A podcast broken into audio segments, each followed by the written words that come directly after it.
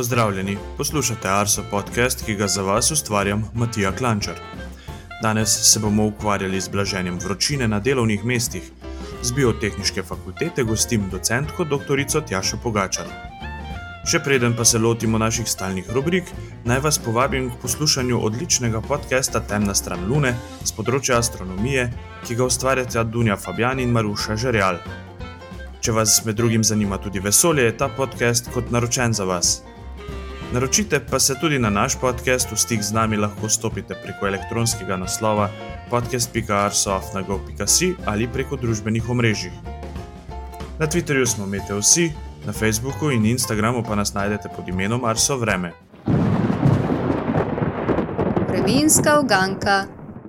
V uganki iz pretekle vdaje sem spraševal, kje in na kateri nadmorski višini se nahaja naša najvišja meteorološka postaja. Uganka ni bila pretežka in veseli nas, da je vremenska postaja Kredarica javnosti zelo poznana. Najdemo jo na višini 2515 metrov nad morjem. Podatki iz postaje pa so na voljo od septembra leta 1954. Tudi v današnji vremenski uganki bomo ostali pri Kredarici. Tokrat me zanima, koliko znaša zračna razdalja med vremenskima postajama na Kredarici in na letališču Portorož. Odgovore nam pustite v komentarjih na Facebooku, na Instagramu, na Twitterju ali pa nam jih pošljite po elektronskem naslovu podcast.arsoafna.gov.si. Osrednja tema. Čeprav imamo letošnje leto v spominu predvsem zaradi nižjih temperatur, se bomo tokrat dotaknili teme, ki bi lahko bila aktualna že zelo kmalo. Pogovarjali se bomo namreč o blaženju vročine na delovnih mestih z ohranjanjem storilnosti. Z mano je docentka dr. Tjaša Pogačar z katedre za agrometeorologijo, urejanje kmetijskega prostora ter ekonomiko in razvoja podeželja. Zdravo, Tjaša. Živijo, pozdravljeni. Kot sem že v začetku v bistvu povedal, si se v projektu Heat Shield ukvarjala z blaženjem vročine na delovnih mestih. Pa me za začetek takrat, ko v bistvu gostimo gosta, ki se ukvarja na kakšnem projektu, me veliko krat zanima, kako je sploh prišlo do sodelovanja v projektu. Uh, lahko mogoče par besed poveš o tem. Uh, ja, zdaj ta projekt Hitchild je večji evropski projekt, um, sodi pod obzorja 2020. Um, in v času prijave smo mi pravzaprav se nekako na povabilo um, inštituta Jožef Štefan, ki je tudi partner uh, v projektu priključili tudi kot biotehnička fakulteta. Iz Slovenije sodeluje še podjetje Odelo, mm, tako da nekako smo se um, želeli pridružiti z meteorološkega ali pa morda tudi bolj biometeorološkega uh, vidika v to sodelovanje. No, in um, ker so nas sprejeli, smo pa z veseljem uh, tudi malo pokrivali različne vidike, od klimatologije pa potem prehoda v biometeorologijo. Um, z veliko strokovnjaki, pa iz fiziologije in ergonomije, ki pa je pri nas mogoče malo bolj um, v Sloveniji šibko zastopana, nimamo recimo prav študija na to temo. Ja, izjemno inter, interdisciplinarno se sliši tole. Uh, zdaj me pa res zanima, zakaj sploh vročina, pa delavci v Evropi, kako to zdaj pride do tega? Je mogoče bil kakšen vročinski val v preteklosti, en tak trigger, da smo se bolj začeli zavedati tega problema? Ja, morda se je res do zdaj zdelo, da nekako to ni evropski problem, ne, da je to problem južneje od nas, um, kjer smo si predstavljali, recimo, delavce v hudi vročini, ki delajo. Ne, nismo se pa nekako zavedali mi sami, da da tudi v Evropi, v Evropi se ta problem pojavlja. Tako da recimo leto 2003, ki je bilo zelo res vroče, je pa postalo en tak pokazatelj ali pa kar hud opomin, da je tako tudi v Evropi. Tako da je bilo recimo takrat um, predvsem recimo v Franciji veliko žrtev. Um, nažalost se je skazalo, da to niso bili samo um, recimo zelo občutljivi ali pa že prej bolni stari ljudje, kot bi morda pričakovali zaradi vročine, ne, ampak da je bilo veliko uh, žrtev med mlajšimi moškimi, kar se je nekako povezovalo potem s um, delovnimi mesti, se pravi tista delovna mesta, ki so izpostavljena vročini, recimo gradbeništvo, kmetijstvo. Ne, tam vemo, da je tudi veliko teh mlajših moških, ki so izpostavljeni na soncu na visokih temperaturah, delajo, včasih tudi um, res v pretirano vročih razmerah, ne, in takrat se je pokazalo, da je to lahko zelo hudo nevarno. Kaj pa recimo kažejo, kakšne raziskave glede obremenjenosti z vročino? So mogoče, ne vem, se kažejo kakšni simptomi pri tem? Uh, ja, seveda, zdaj vsak takoj pomisli, ne, ko nam je vroče.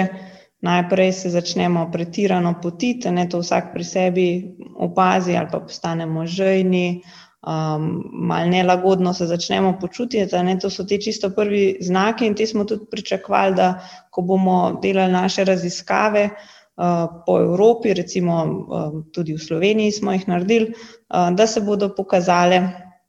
Pokazali te tipični znaki med delom poletje, ne, vendar smo bili potem tudi kar presenečeni, mi sami, kako velik delež, recimo več kot četrtina delavcev v kmetijstvu, se je pokazalo že v Sloveniji, ne, da občutijo tudi vrtoglavico, povečan stres, ne, potem med vročinskimi valovi, redno, ko delajo, glavobole, izčrpanost. Ne, pravzaprav nismo pričakovali, da že sedaj v tako veliki meri občutijo simptome. Ne, to, recimo, te izpostavljeni zunaj, hkrati pa tudi. Um, lahko gre za notranje prostore, ki ne morejo biti ustrezno hlajeni, recimo velike proizvodne hale, kjer imajo dodatne vire toplote in nekako ne moreš s klimatskimi napravami tega ohladiti.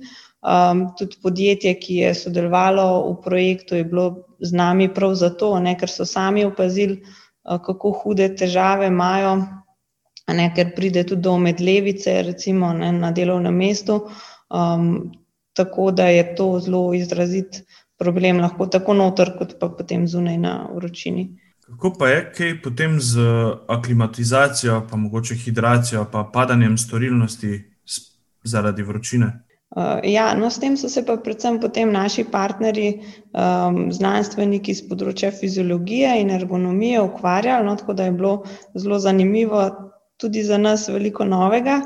Um, in so potem izvajali različne poskuse, nekateri v laboratorijih, um, s ljudmi, ki so sodelovali v njihovih poskusih v različnih razmerah, nekateri pa na terenu, se pravi, recimo na polju, pri pobiranju grozdja ali pa v tovarni uh, pri delu. Uh, tako da so prišli do več zaključkov, ne, recimo um, aklimatizacija uh, se je kar pokazalo tam nekje šest dni potrebuje približno v poprečju človek, da se prilagodi na bolj vroče razmere.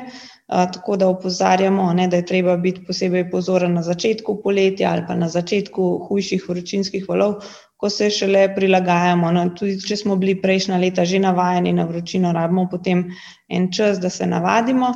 Um, vendar potem to, če traja zelo dolgo, ne, moramo biti pozorni, da tudi ta klimatizacija ob zelo hudi vročini ali pa zelo dolgem trajanju vročine um, nas ne bo kar obvarovala ne, vseh simptomov.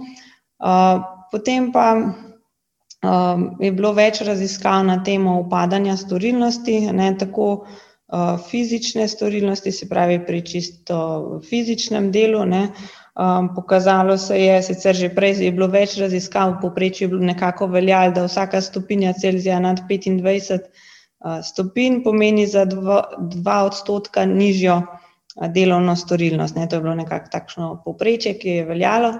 A, tako da tudi so pokazali, recimo pri delu na soncu, a, da že temperature nekje od 22 stopinj naprej lahko pomenijo okrog 10 odstotni padec storilnosti. Ne, tako da so potem tudi krivulje take ustvarjali, a, povezave temperature in vlage a, s padanjem storilnosti. Poleg tega pa je vpliv tudi na naše kognitivne sposobnosti, spravi ne samo fizično delo, ne, ampak tudi umsko smo precej obremenjeni s vročinskim stresom, tako da že sam vročinski stres, recimo nekje 10 odstotkov, zmanjša naše kognitivne sposobnosti. Če smo pa hkrati še dehidrirani, potem pa lahko tudi za recimo več kot 15, nekje 15 do 20 odstotkov padejo naše sposobnosti. Ne, tako da um, se je kar pokazal tako občuten padec storilnosti. Um, vmes sem se spomnil še enega mogoče pod vprašanja, ko si omenjala um, višino temperature. Morda v Sloveniji uh, imamo kakšno to mejo, nad katero recimo ne vem, delavci ne bi delali zunaj na, na, na vročem soncu ali kaj takega. Morda veš. Ja, nažalost smo bili mi kar malo razočarani, ko smo potem tudi uh, organizirali uh, nekaj simpozijev na to temo, pa povabili pač strokovnjake, ki se ukvarjajo um, ali z delom uh, na splošno, ne, kot recimo sindikati, uh, inšpektorat za delo, uh, potem tudi inštitut za javno zdravje, spravi vsi, ki se jih ta tema dotika. Nekako smo potem prišli do tega, da je včasih sicer bila ena prav številska meja določena, ki pa je zdaj na mesto, da bi bila korektno postavljena, zaenkrat kar izbrisana, ne, se pravi, da pravzaprav nimamo številske meje, ki bi določala sicer imamo eno temperaturo, ne, ampak eh, nad tisto je določeno samo, da recimo mora delodajalec omogočiti um, delavcem umik v hladni prostor vsake toliko časa, ne, to nažalost ni dovolj, ne, da bi nekako rešili težavo. Hkrati pa pri delu zunaj, potem recimo v gradbeništvu delavci podpisujejo sindik, um, svoje ne, sindikalne pogodbe, um, kjer podpišejo tudi, da bodo delali do 45 stopinj, kar pa je pač izrazito preveč. Če se recimo zdaj dotaknemo možnih ukrepov, je mogoče sploh narediti kaj enostavnega, da se vem, prilagodimo na, na te visoke temperature. Ja, v bistvu smo s projektom ciljali prav na te enostavne ukrepe um, in želeli spodbuditi v prvi meri delavce same, če se le da, sicer pa seveda delodajalca, um, za, za to, da pravzaprav pokažemo, da kot prvi korak ne rabimo nekih velikih finančnih uložkov. Ne? Seveda tega se kot prvo ne bo nihče lotil v tako veliki meri, ampak morda v naslednjem koraku. Uh, tako da smo spodbujali na začetku prav uvajanje teh ukrepov. Ne. Pokazali smo z dodatnimi raziskavami, um, da je zelo učinkovito prerasporejanje delovnega časa, torej da smo uh, bolj učinkoviti, če načrtujemo odmore, ne, recimo uh, na vsake pol ure dve minuti ali pa na vsako uro pet minutni odmor, ki pa mora biti um, koristno porabljen za neko hlajenje, pitje. Um, in to potem v celem dnevu pomeni manj skupnih odmorov, kot pa če se ne načrtovano uh, ustavljamo. Uh, potem je pomembno, da imamo na voljo nek hladnejši prostor, ali je to senca, ali je um, prav hlajen uh, s klimatsko napravo, uh, kjer je temperatura nekoliko nižja, ali pa vsaj, da si pomagamo z ventilatorji, nekje do 35 stopinj so še učinkoviti. Seveda pa je zelo pomembno, da pijemo, ne pijemo mrzlo vodo, lahko tudi zmešano z ledom. Um, redno pijemo, ne, na gradbiščih se je pokazalo v visokih temperaturah kar nekje pol litra vsako uro ali pa celo sedem decilitrov vsako uro, ne spravi velike količine vode.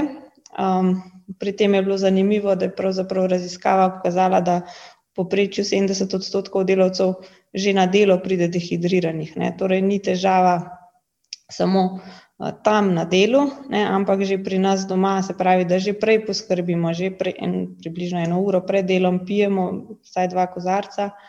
Uh, in potem, ko pridemo domov, spet ustrezno rehidriramo, ne, tudi nadomeščamo soli, če nimamo kakšnih težav z visokim pritiskom.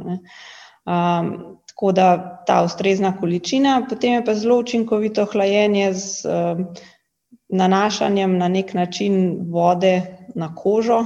Ne, se pravi, da ali se poškropimo z mrzlo vodo, ali uh, poskušamo pripraviti vedra z uh, vodo in ledom, kamor lahko roke pomočimo ne, in se na tak način ohladimo. To je zelo učinkovito, pa relativno enostavno uh, hlajenje. Uh, tako da hidracija, hlajenje.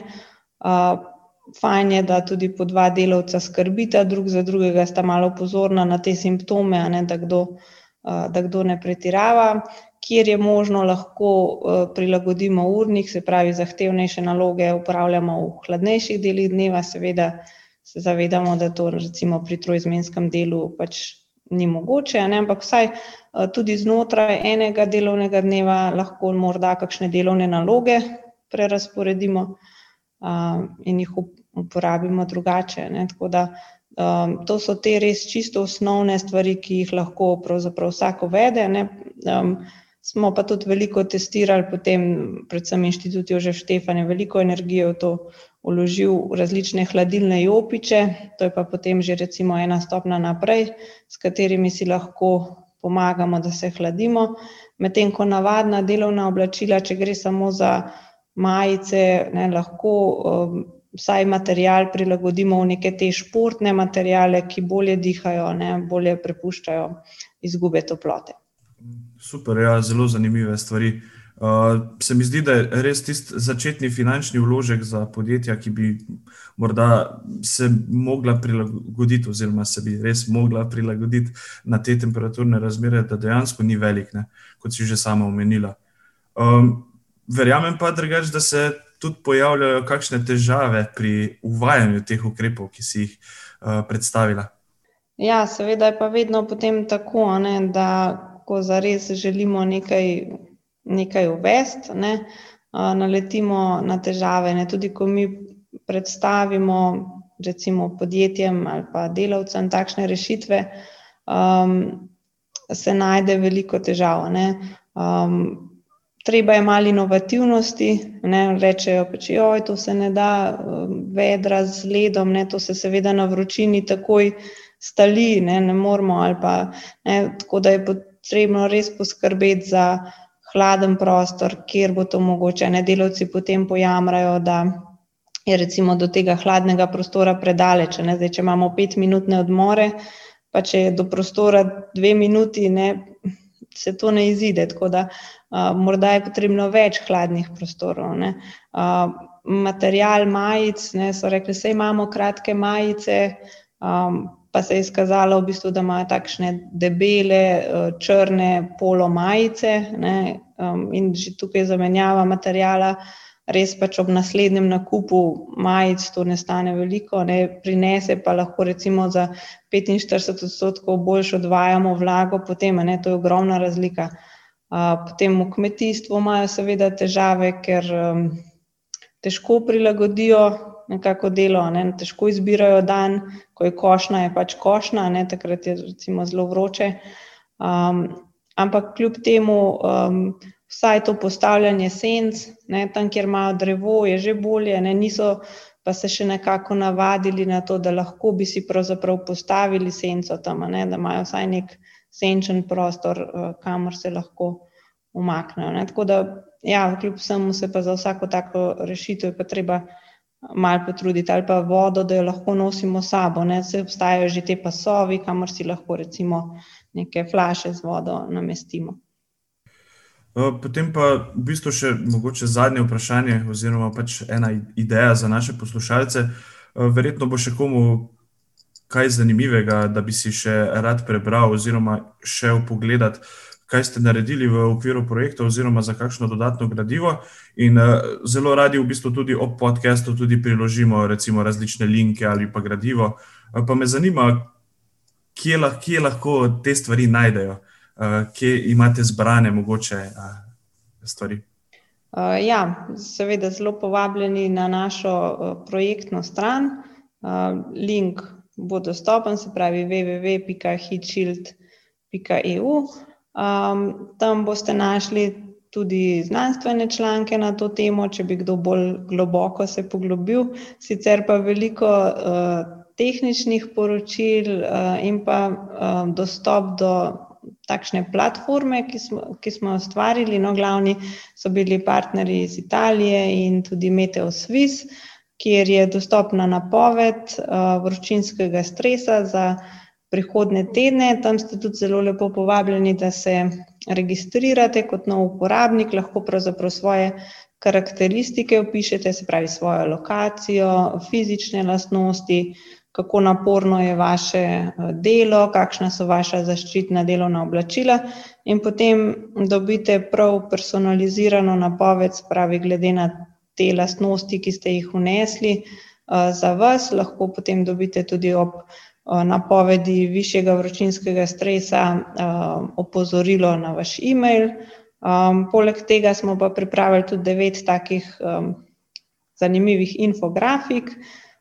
So tudi dostopne na naši strani, prevedene v slovenščino, tako da povabljeni, da si jih natisnete, ne, tako recimo delodajalci za kakšno sobo skupno, ne, ali pa ob vhodu ali pa ob v jedilnici, da opozarjajo na to, da je, da je potrebno piti, a ne, na kakšne načine se lahko hladimo, kako smo lahko pozorni, tako da ti materiali so tam dostopni, a ne, in si jih lahko v bistvu prosto, so prosto na uporabo.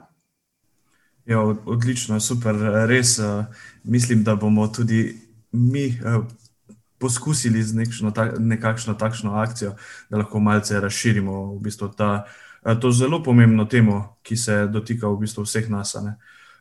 Tjaša, najlepša hvala za tvoj pogovor in čas, ki si si ga vzela. Upam, da tudi v prihodnje s kakšno zanimivo tematiko se še vrneš v naš podcast. Ja, hvala za povabilo in upam, da bodo tudi te informacije čim bolj uporabne. Obeti. Tudi tokrat je vremensko napoved za naslednje dni pripravil Blaž Šter. Lep pozdrav. Ja, lastnost vremena je, da se spreminja. Še posebej velja to za naše zmerne geografske širine. Po štirih dneh suhega in na koncu tudi toplega vremena v sredo zjutraj v večjem delu Slovenije znova dežuje. Razlog za oblačnost in padavine je hladna fronta, ki nas je tokrat dosegla od zahoda. To je tudi uvod v daljše obdobje spremenljivega vremena. Tudi v maju so krajevne padavine lahko pogoste. Sredo bo tako večinoma oblačno, nad našimi kraji se bo zadrževala nestabilna zračna masa. Še se bodo pojavljale plohe in tudi posamezne nevihte. Lahko nastane tudi kakšen močnejši naliv. Pihal bo šibak veter zahodnih smeri. Najvišja dnevna temperatura zraka bo za okoli 10 stopinj nižja kot v ponedeljek in torek. Pričakujemo od 12 do 18 stopinj. V nadaljevanju tedna bomo v neizrazitem območju nizkega zračnega tlaka. V višinah bo hladen zrak in tudi vlažno bo precej. Takoj, ko bo posvetilo sonce, bo ozračje hitro postalo nestabilno. Plohe bodo tako pogoste v četrtek, petek in tudi v soboto. Večinoma se bodo pojavljale popoldne, vseeno pa nas kakšna doseže lahko tudi že dopoldne. Skupno bo največ padavin padlo v zahodni Sloveniji. Ja, značilnost takšnega vremenskega tipa je negotovost napovedi, zato bo potrebno spremljati trenutno vreme in se nam prilagajati. Najvišja dnevna temperatura zraka bo vse dni večinoma med 15 in 20 stopinjami, nekaj stopinj manj od dolgoletnega povprečja za ta čas. Povprečje za ta del leta je nekje med 18 in 23 stopinjami. Velja omeniti, da bo v gorah dovolj hladno za snežne padavine. Meja sneženja bo na nadmorski višini okoli 2000 metrov. V nedeljo bo zrače nekoliko bolj suho, kot bi pričakovali. Pričakujemo tudi več sonca, pa tudi popodanskih ploh ne bo toliko. Kakšne so dolgoročne napovedi? Ja, še vedno bo vreme podobno, kakor smo ga imeli v tej pomladi. Polarna fronta bo segala daleč na jug, v sredozemlje, v okolici bodo nastali cikloni. Napoved je torej bolj, bolj mokra kot suha. Za ta čas bo najverjetneje ostalo tudi sveže. Srečno do prihodnjič. Vremenske zanimivosti. V tokratnih vremenskih zanimivostih si bomo ogledali obdobje od 26. aprila do 9. maja. Zanimivo, prav vse iskane vrednosti smo izmerili v mesecu maju. Najvišja temperatura je bila tudi tokrat izmerjena v Osilnici. Zadnji dan obdobja v nedeljo 9. maja smo izmerili 26,7 stopinje Celzija. Najnižjo temperaturo v toplejšem delu leta ponavadi izmerimo na Kredarici. Tudi v tem obdobju je bilo tako. 8. maja je bilo minus 9,9 stopinje Celzija. Tudi najhitrejši sunek vetra smo tokrat izmerili na Kredarici, ko je 2. maja pihalo s hitrostjo 122 km/h. Največ padavin je padlo 3. maja na Voglu, izmerili smo 141,6 mm. Še podatki o najbolj sončnih postajah. Preteklo 14-dnevno obdobje je bilo manj osončeno kot obdobje predtem. Največ sončnih ur je zbrala postaja v Murski soboti 84 ur in 56 minut. Največ sonca v enem dnevu pa je prav tako zbrala postaja v Prekmurju. 9. maja je sonce sijalo 14 ur in 4 minute. 61. epizodo smo z vremenskimi zanimivostmi pripeljali do konca. Hvala vam za vse odzive, kritike in poslušanje. Želim vam obilo lepega vremena in se slišimo čez 14 dni.